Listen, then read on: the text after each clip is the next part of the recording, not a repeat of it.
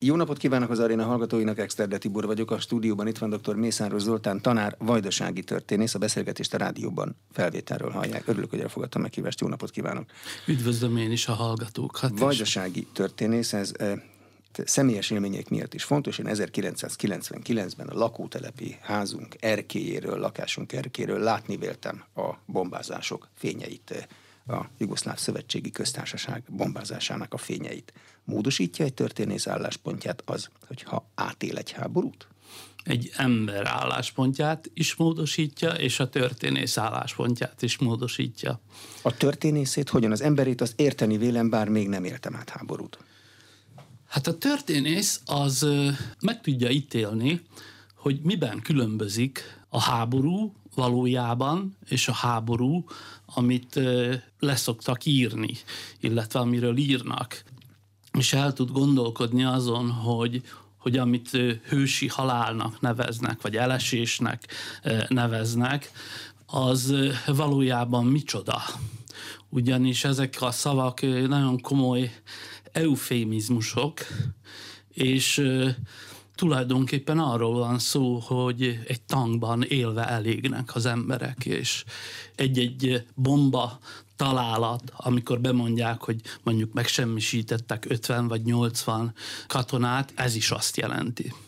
És a, az ember és a történész ö, szempontját az is módosítja, hogy például lesz egy barátja, aki visszajön a frontról, és a fronton történt tapasztalatai okán, ami az volt, hogy a mellette lévő sátorba belecsapott egy akna, a haza jötte után három-négy évig, mindig, amikor belobban a gázkályha, akkor ő kiugrik az ágyból és hasra veti magát.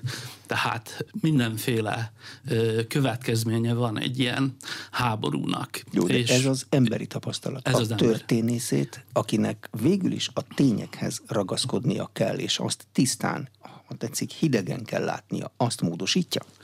Igen, módosítja azt is, ugyanis láttam azt, hogy milyen mérnöki precizitással kezdtek leépíteni egy társadalmat, és leépíteni egy országot az amerikaiak. Ugye 99-ben az amerikaiak támadtak. És az első nap nem csináltak semmit, gondolták, hát ha módosítja a véleményét, ugye az akkor uralkodó Milosevic. És másnap kezdtek el bombázni. És a bombák először a katonai kommunikációt rombolták le, és utána rögtön elvették annak a lehetőséget, hogy repülők felszállhassanak, tehát az irányító tornyokat bombászák le. Tehát egy nap alatt elérték azt, hogy a légtér az övéké. A következő dolog az volt, hogy a raktárakat bombázták, tehát a lőszerraktárakat és az üzemanyag raktárakat, megakadályozva, hogy mozogni lehessen, és hogy e, ugye minél kevesebbet e, lehessen lőni. E, ezután elkezdték az infrastruktúrát rombolni, ugye a lakosság szempontjából, hogy a lakosság is érezze, hogy ez itt nem csak egy játék. Utak, hidak. Utak, hidak, így van és ezután pedig lerombolták a Milosevicsi propaganda eszközeit, a televízió, a televíziót, és ma is, Igen, és ma is úgy, úgy van, hogy az akkori televízió előtt áll egy emlékmű, és amin ilyen álnaívan azt írja, hogy miért. Hát miért? Hát azért, mert a, a Milosevicsi propagandát csinálták, azért bombázták le. És végül a jugoszláv erők úgy gondolták, hogy a kaszárnyákból kiviszik a katonákat, akkor kevésbé lesznek láthatók. De nem lettek kevésbé láthatók, hanem elkezdték az amerikaiak az élő erőt is megsemmisíteni, és ez volt ez a pillanat, amit Milosevic már nem tudott vállalni, és ezért küldte el az emberét, hogy aláírja a híres 44-es ENSZ okmányt, amelyre ma is hivatkoznak, és amelyben valóban nincs benne az, hogy Koszovó független lesz. Én ezt letöltöttem, bárki letöltheti és elolvashatja. Mi lesz egy háborút átélő civil számára a legfontosabb, közvetlenül azután, hogy lehetőleg ne halljon meg, meg a családba se halljon meg senki, aki elment a frontra? Hogy alakítja át az életet? Hát úgy alakítja át az életet, hogy hát egyrészt lelkileg, másrészt pedig ugye fontos az, hogy legyenek kapaszkodói, hogy az életben legyen elég fizetése, hogy legyen hol laknia, és, és ezek a dolgok felértékelődnek, és konkrétan a 99-es háború azt alakította át, hogy a fiatalok tömegesen kezdtek a Milosevic ellen lázadni, és amikor a rendőrség szétverte őket, és az anyák és az apák és a nagyanyák és nagyapák is látták, hogy az unokájukat verték a rendőrök, akkor már nem Milosevicre szavaztak. Úgyhogy ez a 99-es bombázás közvetett módon a Milosevic féle rendszer bukásához is vezetett milyen helyzetben voltak a vajdaságban élő magyarok, akik egyrészt a szövetségi köztársaság polgárai voltak. Tehát mit kellett, hogy álltak ehhez a háborúhoz? Kinek drukkoltak? Kivel voltak? Hát a vajdasági magyarok már jóval azelőtt, tehát 1991 körül, amikor ugye volt a jugoszláv szétesés, kijelentették, és el is fogadták azt, hogy ők nem kívánnak beleszólni a délszláv népek csetepatéiba, tehát a, a délszláv népek történelmi. Szlovénia, Horvátország. Igen, igen. Ennek ellenére elvitték őket katonának, és hát akinek szerencséje volt, az túlélte, akinek kevésbé volt szerencséje, azt elfogták, átadták, és akkor ilyen vargabetűvel jutott haza, és bizony érkeztek a lecínezett koporsók is, és hát ez egy szörnyű érzés volt mindenkinek. Hogy lehetett eljutni ma, mára oda, hogy Magyarország és Szerbia és a tulajdonképpen jó viszonyban van, nem árnyékolja be a kapcsolatunkat ebben a pillanatban szinte semmi. Hogy jutottunk ide? Hát szerintem úgy, hogy felismertük és akkor itt gondolok Szerbiára is, meg Magyarországra is, meg a vajdasági magyar politikumra is, hogy földrajzilag és infrastruktúra, meg közlekedési struktúra szempontjából a két ország egymásra van utalva. És elsősorban a magyar fél sikeresen lezárta ezt az önmarcangoló folyamatot, ami ugye a vajdaságot és Trianont illeti, tehát manapság ezt tudjuk, de nem emlegetjük annyira, és még ami nagyon fontos, az a magyarországi politikában történt egy fordulat, ez pedig az volt, hogy immár nem a területek az érdekesek, hanem az emberek. Tehát a, az emberek felé fordult, és az embereknek nyújtott segítséget többféle módon. Gazdasági segítség, is. pénzügyi transferek. Igen. Ezek, igen. És ezek annyira erős hatásúak voltak vajdaságban is, igen, hogy ezek igen. működőképesek? Meg a kölcsönös tisztelet látványa, hogy a két államfő, Vucic és Orbán Viktor ugye tisztelettel tudtak egymással beszélni, hogy a tévéhíradó, akár a magyar tévéhíradót néztük, akár a belgrádi tévéhíradót néztük, azt mutatta, hogy itt élő párbeszéd van, és az is nagyon fontos volt, hogy a szerb elnök Vucic, Alexander Vucic eljött az 1944-es megemlékezésre, és beszédet mondott Szabadkán, másrészt pedig az akkori államelnök Áder János és Tomislav Nikolic pedig közösen fejet hajtott a, a csúrogi áldozatok emlékműve előtt. Tehát voltak ilyen szimbolikus gesztusok, amelyek jól estek a vajdasági magyarságnak, mert a vajdasági magyarság alapvetően két dologhoz hűséges. Tehát egyrészt hűséges a, a magyarságához, másrészt viszont hűséges az országához is, mert egyszerűen úgy élünk, abban az országban élünk, és be kell tartani bizonyos játékszabályokat. Arra a kérdésre egy háborút már látott történész tud válaszolni, hogy végül is ki írja a történelmet? A győztesek? Vagy nem a győztesek írják a történelmet? Hát van erre egy jó mondás, hogy azért a történelem, aki megműveli.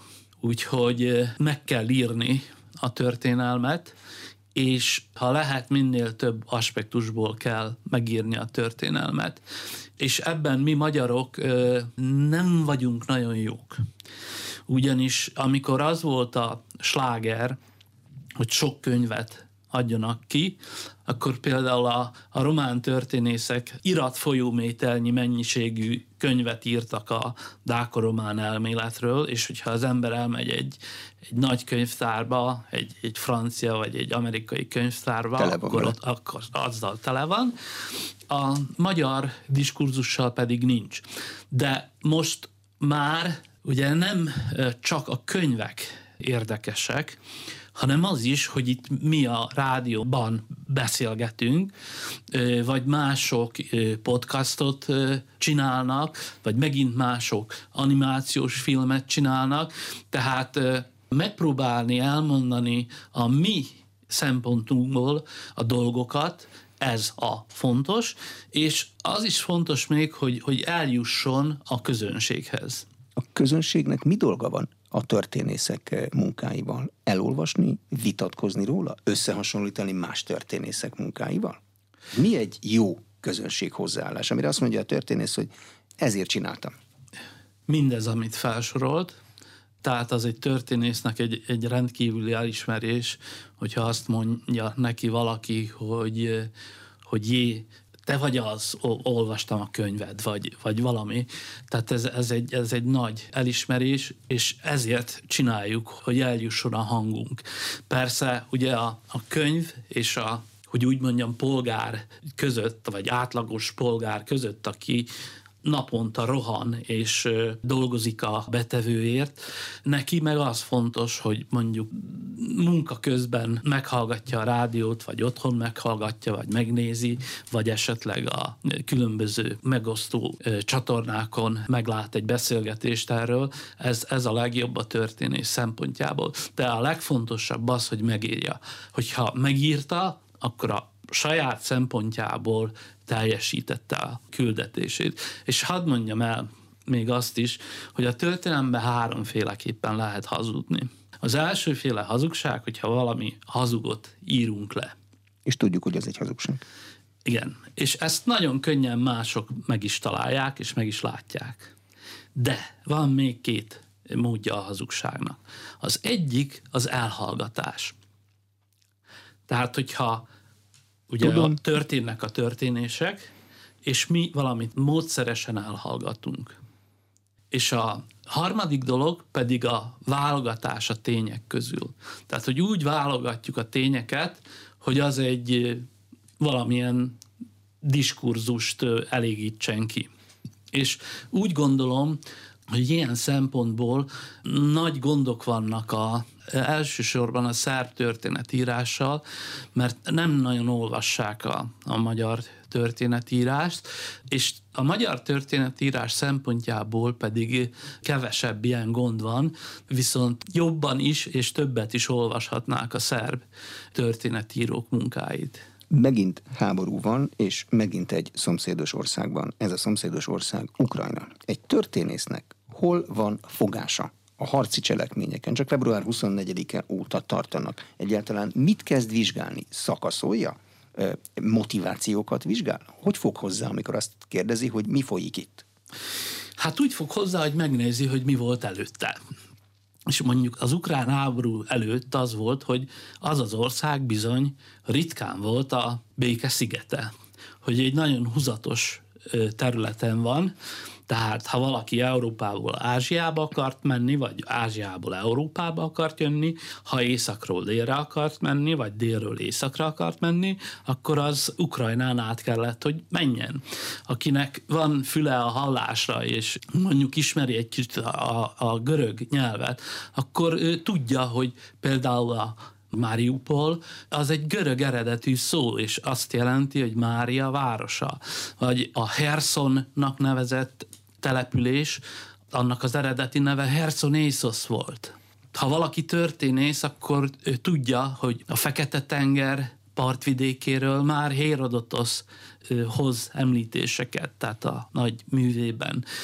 És tovább menve tudja azt, hogy azt a vidéket megjárták a gótok, megjárták a hunok, azon a vidéken jöttek. Árpád magyarja is, bárkik is legyenek, és bár mennyien is voltak, és ezek után pedig ott háborúzott a tatár sereg az oroszokkal, akiket végül is 1200 37-ben legyőztek és szétvertek a kalkai ütközetben, illetve csatában, és ezután pedig évszázadokig szedték be az adót a különböző orosz államocskákból, és ahogy így kinőtt a, a moszkvai fejedelemség, és ahogy a moszkvai fejedelemségből Moszkva központú birodalom lett, majd Pétervár központú birodalom lett, ezeket jól tudja a történész, meg jól tudja azt is, hogy a kievi rusz azt ugye 860 körül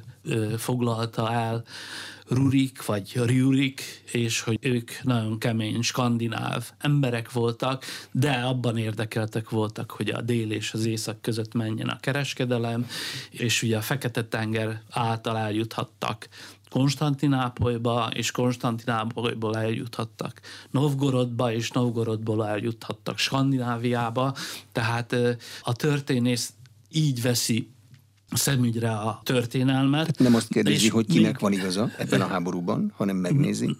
Megnézi a múltat, és még egy fontos dolog a múlttal kapcsolatban, hogy az ukrán nép az viszonylag későn kezdett el nemzetté válni. Későn a 19. század közepe után kodifikálták a nyelvet, és ezért van, hogy ez az ukrán lakosság, hát hogy is mondjam, nem összeforrott. De ezen kívül a történész azt is tudja, hogy nagy hatással volt az ukránokra az, hogy az oroszok felvették a kereszténységet, mégpedig az ortodox kereszténységet, másrészt az ukránok egy része pedig a, a lengyel-litván unióban élt, ahol ugye a katolicizmus próbált valahogy helyet találni közöttük, és hát ezért vannak például görög katolikusok és hasonlók. Na most, ami a napi dolgokat illeti, hát az 1999-es bombázásokat többféleképpen megírták. Akkor a második világháborút többféleképpen megírták. És akkor a történész ehhez tudja hasonlítani, hogy az oroszok most mit csinálnak. Mit csinálnak most az oroszok? Az első pillanatban azt mondták, hogy levadásszuk az ukrajnai vezetést. Egy hm. villámháború, aztán áttértek egy másikra? Milyen szakaszai vannak eddig ennek a háborúnak? Hát, ha nagyon sarkítva fogalmaznék, akkor ez, ez már nem is egy háború, hanem kettő. Az első háborút az ukránok megnyerték, mégpedig két hét alatt. Tehát jöttek az orosz tankok, és voltak a bátor ukránok, akiknek az ősei bátor kozákok voltak, akiknek az életmódja az állandó harc volt, és egyszerűen a nyugati technikával, a Javelin rakétákkal levadázták az orosz tankokat, és egy mondjuk 200 ezer dollár értékű fegyverrel megsemmisítettek egy 3-4 millió dollár értékű tankot. És ez után gondolta át az orosz vezetés, hogy visszatér egy hagyományos háborús viselkedésre, mégpedig azra, hogy nehéz tüzérséggel területet lövet.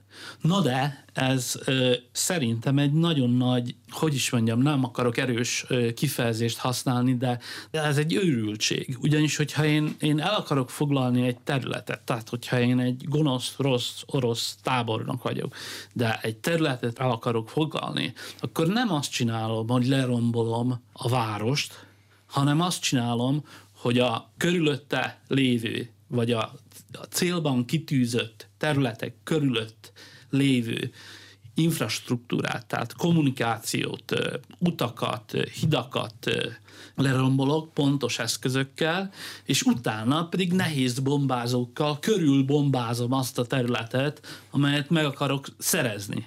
És akkor utána megyek gyalogsággal, meg páncélozott járművekkel.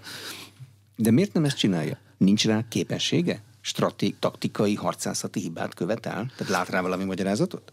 Én, az oroszok azért szoktak háborúzni, ebben van gyakorlatuk? Én úgy látom, hogy nem volt stratégiájuk. Tehát az első részre volt stratégiájuk, és erre a hát elhúzódó második részre pedig igazi stratégiájuk nincs, és nem volt. És hát hogy is mondjam, nem szeretném ellőni a puskaport azzal, hogy kimondom, hogy a király mesztelen, de lehet, hogy azok a fegyverek, amikkel az oroszok fenyegetőznek, nincsenek is. Tehát én nem tudom, hogy hány ilyen precíziós bombája van, illetve rakétája van Oroszországnak, de azt tudom, hogy az amerikaiak Szerbiára körülbelül 12 ezer Tomahawk rakétát lőttek ki 1999-ben. És azt is tudom, meg azt is látom, hogy az ukrajnaiak HIMARS rakétákat kapnak, és ez egy olyan dolog, amelynek ha megjelöljük a pontját, hogy hova essen, az oda fog esni. És időközben pedig változtathatja a röppájáját. De az nem lehetséges, hogy egyszerűen mindenki fokozatosan emeli a tétet. Senki nem veti be első körben a legerősebb fegyverét, hanem alkalmazkodik a harci körülményekhez, mert ez egy drága dolog mindjárt a legnagyobb az armatát bevetni. Ez lehetséges, de az viszont árulkodó, hogy mindig az ukrán oldal veti be először a fejlettebb fegyverrendszereket. Tehát a páncélosok ellen Javelin, az orosz lőszer és fegyverraktárok ellen a HIMARS. És most a legújabb dolog, amit kaptak, ez az Excalibur ágyugolyó, ez egy olyan golyó, amelyet szintén irányítani lehet tehát a röppáját módosítani lehet. És ez már nem olyan drága, hogy ne lőjönek ki vele orosz tarackokat. Úgyhogy úgy látom, hogy technikai szempontból mindig az ukrajnaiak vannak előbb. És emögött pedig az van, hogy az USA van technikai szinten, tehát előrébb jár eh, ebben a dologban, és az is látszik, hogy az USA akkor lépett be ebbe a háborúba, amikor ő akart, és akkor is fog kilépni belőle, amikor ő akar. A mostani hírek arról szólnak, már nem is mostaniak, de arról szólnak, hogy ők repülősöket képeznek ki, gyalogos katonákat képeznek ki, és úgy gondolom, hogy mind az európaiakat, mind az oroszokat úgy elaltatták Bidennal, hogy nem igaz. Hogy érti, hát, hogy elaltatták? Hát, hogy egy nagyon idős ember, Biden idős ember, megbotlott a lépcsőn, véletlenül megfordult, és le akart valakivel kezelni, aki nem volt ott, és, és akkor ezt a bizonyos körök, ezt a szenilisség és a nem tudom minek a kontójára írják, de azt nem veszik figyelembe, hogy a, az elnök mögött valószínű, hogy nagyon-nagyon profi kommunikációs, katonai, politikai körök vannak, és ö, azt gondolták, hogy ez a az öregember, ugye Biden elnök úr testesíti meg az usa pedig ez nem így van. Mhm. Most ott tartunk, legalábbis legutóbb október elején ott tartottunk, hogy Oroszország magához ölelt két újabb területet egy ott végrehajtott népszavazás után. Ez megváltoztatja a háború menetét, mert az elnök, az orosz elnök azt mondta, hogy ez most már a mi területünk, és készek vagyunk bármilyen eszközzel megvédeni, ideértve a taktikai atomfegyvert is. Másik háború jön? Hát az ukránok erre azzal reagáltak, hogy tegnap elfoglaltak egy újabb városkát, Limánt, ugye most már elvileg orosz területen. Most, mielőtt bejöttem volna a stúdióba, elolvastam a híreket, hogy most adták ki azt, hogy Oroszországban elkezdődött a vita arról, hogy vajon ez a magához ölelés az egész megyékre vonatkozik, vagy csak azokra a részekre, amelyek pillanatnyilag Oroszországhoz tartozik. Tehát ez nem komoly dolog. És egyébként sem komoly dolog, mert senki nem ismeri el a világon. És ülhet Putyin akármekkora asztalnál a vele tárgyalóval, és akármennyi aranyat rátehetnek a mögötte lévő ajtóra, a lényegen, a terepi dolgokon ez nem változtat. Meddig kell visszamenni a történelemben, hogy arra az egyszerű kérdésre választ kapjunk, hogy az orosz támadás Ukrajna ellen az egyáltalán micsoda? A krímig kell visszamenni? Vagy még évszázadokat kell visszamenni?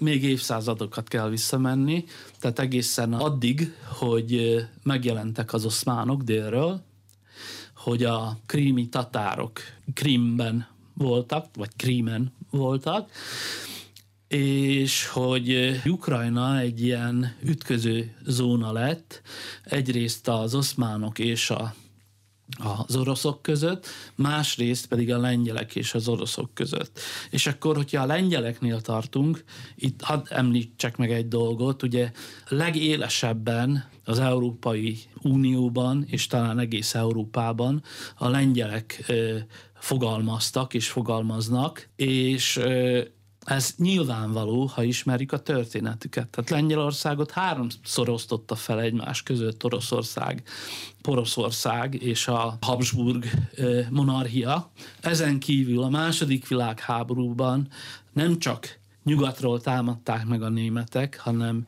két hét késéssel keletről is megtámadták a, a szovjetek, úgyhogy a lengyelekben ez, ez erősen benne van, ugye, és a Katini vérengzés, vagy Katyini vérengzés. Az például egy klasszikus elhallgatott történet. Arról I- évtizedeken keresztül nem lehetett tudni semmit. Igen, előtte pedig a hazugság volt tálalva, mi szerint ugye a németek követték el, pedig nem, a szovjetek követték el. Azt mondtam, hogy az Egyesült Államok akkor lépett be ebbe a háborúba, amikor akart, és akkor is fog kilépni, amikor akar. Mi lehet olyan pont, amikor, vagy esemény, vagy helyzet, amikor az Egyesült Államok azt mondja, hogy elértem a célt, kilépek. Ők is elég rugalmasan fogalmazták meg a céljukat, ez pedig az volt, hogy Oroszország gyengítése. Ez egy és folyamat. Ez egy folyamat, és úgy látszik, hogy ez a folyamat megy. És én úgy látom, hogy Oroszország lassan csúszik vissza egy középhatalommá. Mert hogyha a gazdasági teljesítményét nézem, ezt sokan mondják, hogy Olaszországéhoz vagy Spanyolországéhoz hasonlítható.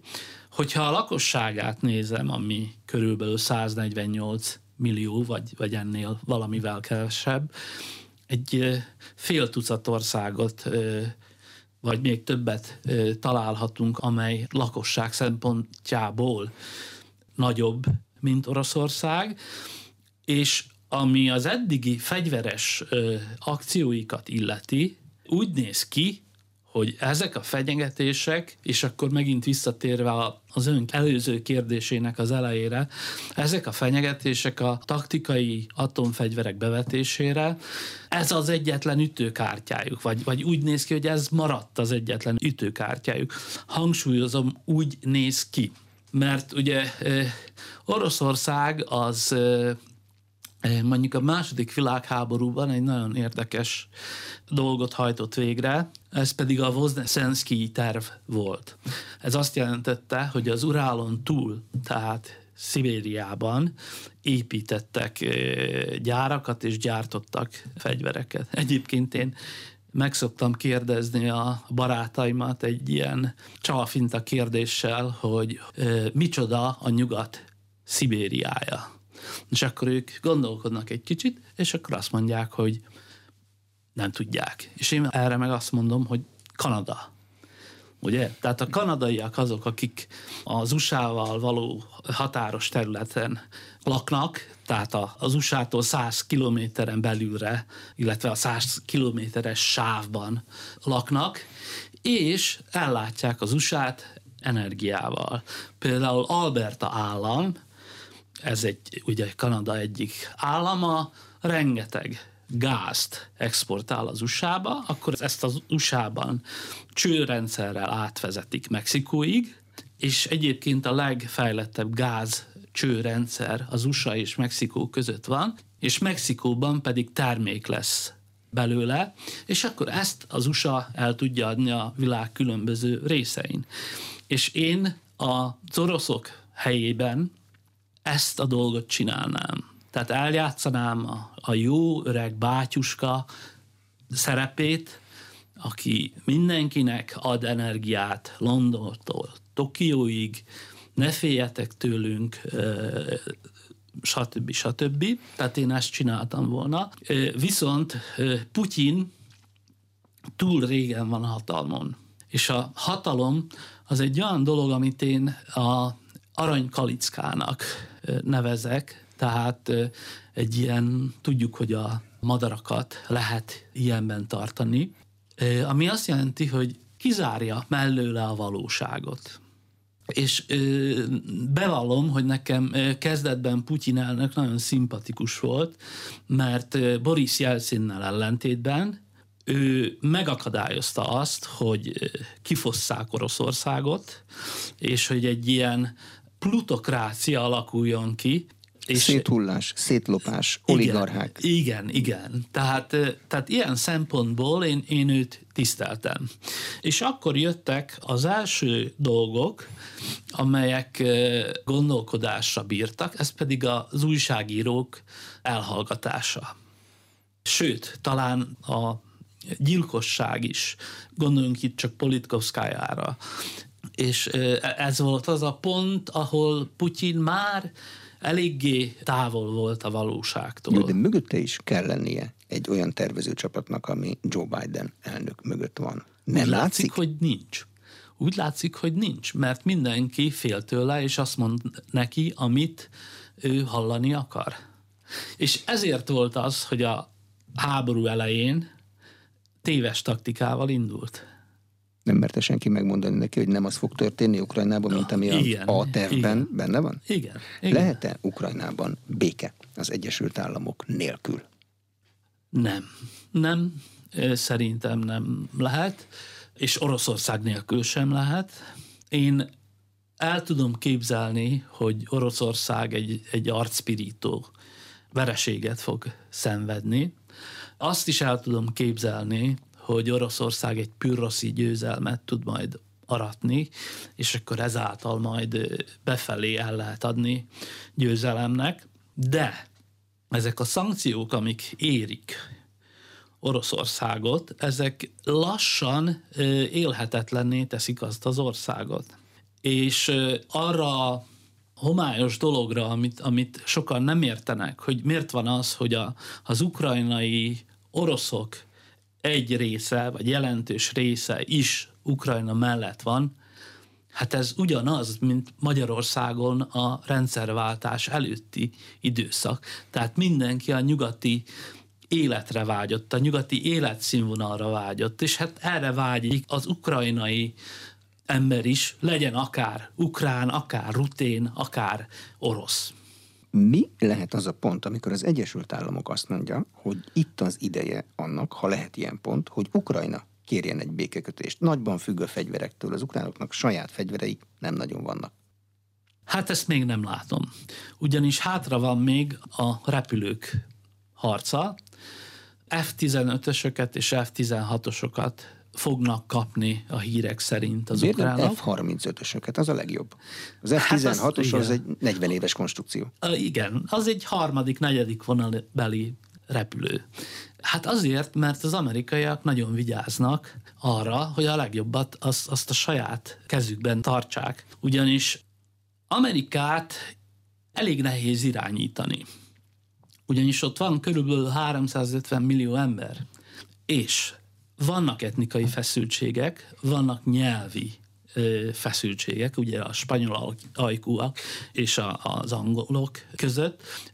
Látunk rasszista feszültséget, tehát, hogy ugye a afroamerikaiak és a, az európaiak közötti feszültséget látjuk. Ezen kívül pedig látjuk azt, vagy ha megnézzük és utána nézünk, hogy az USA-nak 31,4 ezer milliárd dollár adósságuk van. És ezt az adósságot én nem tudom, hogy hogy lehet kifizetni, de azt viszont tudom, hogy ameddig az USA-nak van a, a legerősebb hadserege, addig ezt nem fogja senki számon kérni rajtuk. És így az USA bele van kényszerülve abba a szerepbe, hogy bizony ő, ő legyen a legerősebb katonai hatalom, és ha megnézzük, összeállított maga köré egy nagyon jó csapatot. Ezek az angol százországok, tehát Kanada, Nagy-Britannia, Ausztrália, Új-Zéland, sok kicsi sziget az indiai óceánon. És ezen kívül van még két nagyon erős szövetségese, Japán, akit az ázsiaiak utálnak, Hódítottak, a, gyarmatosítottak. Nem csak, hanem borzalmakat követtek el. Tehát e, ez benne volt a japán szamuráj mentalitásban, meg a japánok sajátságos viszonyulásában a halálhoz, hogy, hogy, hogy mit tettek.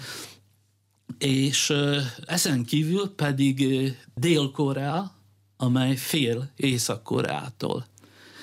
És hogyha megnézzük, akkor ezek a területek körbe veszik a nagy kontinenseket, tehát Ázsiát, Afrikát és, és Európát. És igazából ez a háború, amely folyik, ez egyben háború a földrajz és a józanész ellen is. Mármint az orosz akció Ukrajnában?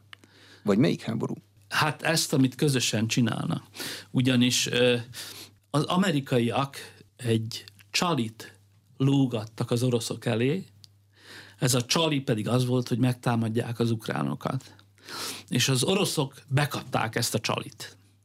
És most, hogy is mondjam, tehát fárasztják őket. Aki ugye tapasztalt horgász, azt tudja, hogy, hogy a nagy halat azt először ki kell fárasztani, és akkor csak utána lehet kivenni a vízből. Viszont az amerikaiak azok csak addig fogják magukat, hogy úgy mondjam, kifárasztani, ameddig az nekik jól esik. Tehát ameddig jól esik egy jogging, addig fognak joggingolni. És nem elengedik?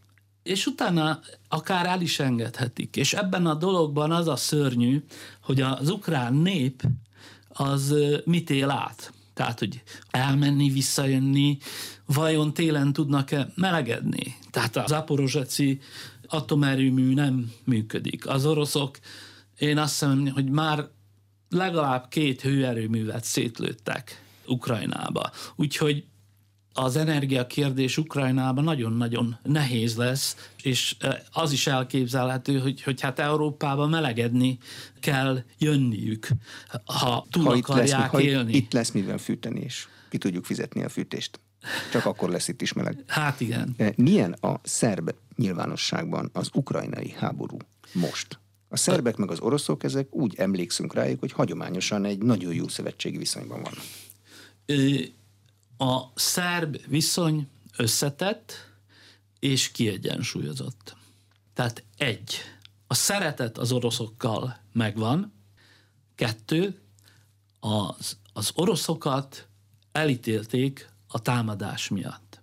Három, az ukránokat sajnálják, Ugye az ukrán is egy szláv nép, és ezt sajnálatosnak tartják, hogy két szláv nép ilyen, ilyen durván harcol egymással.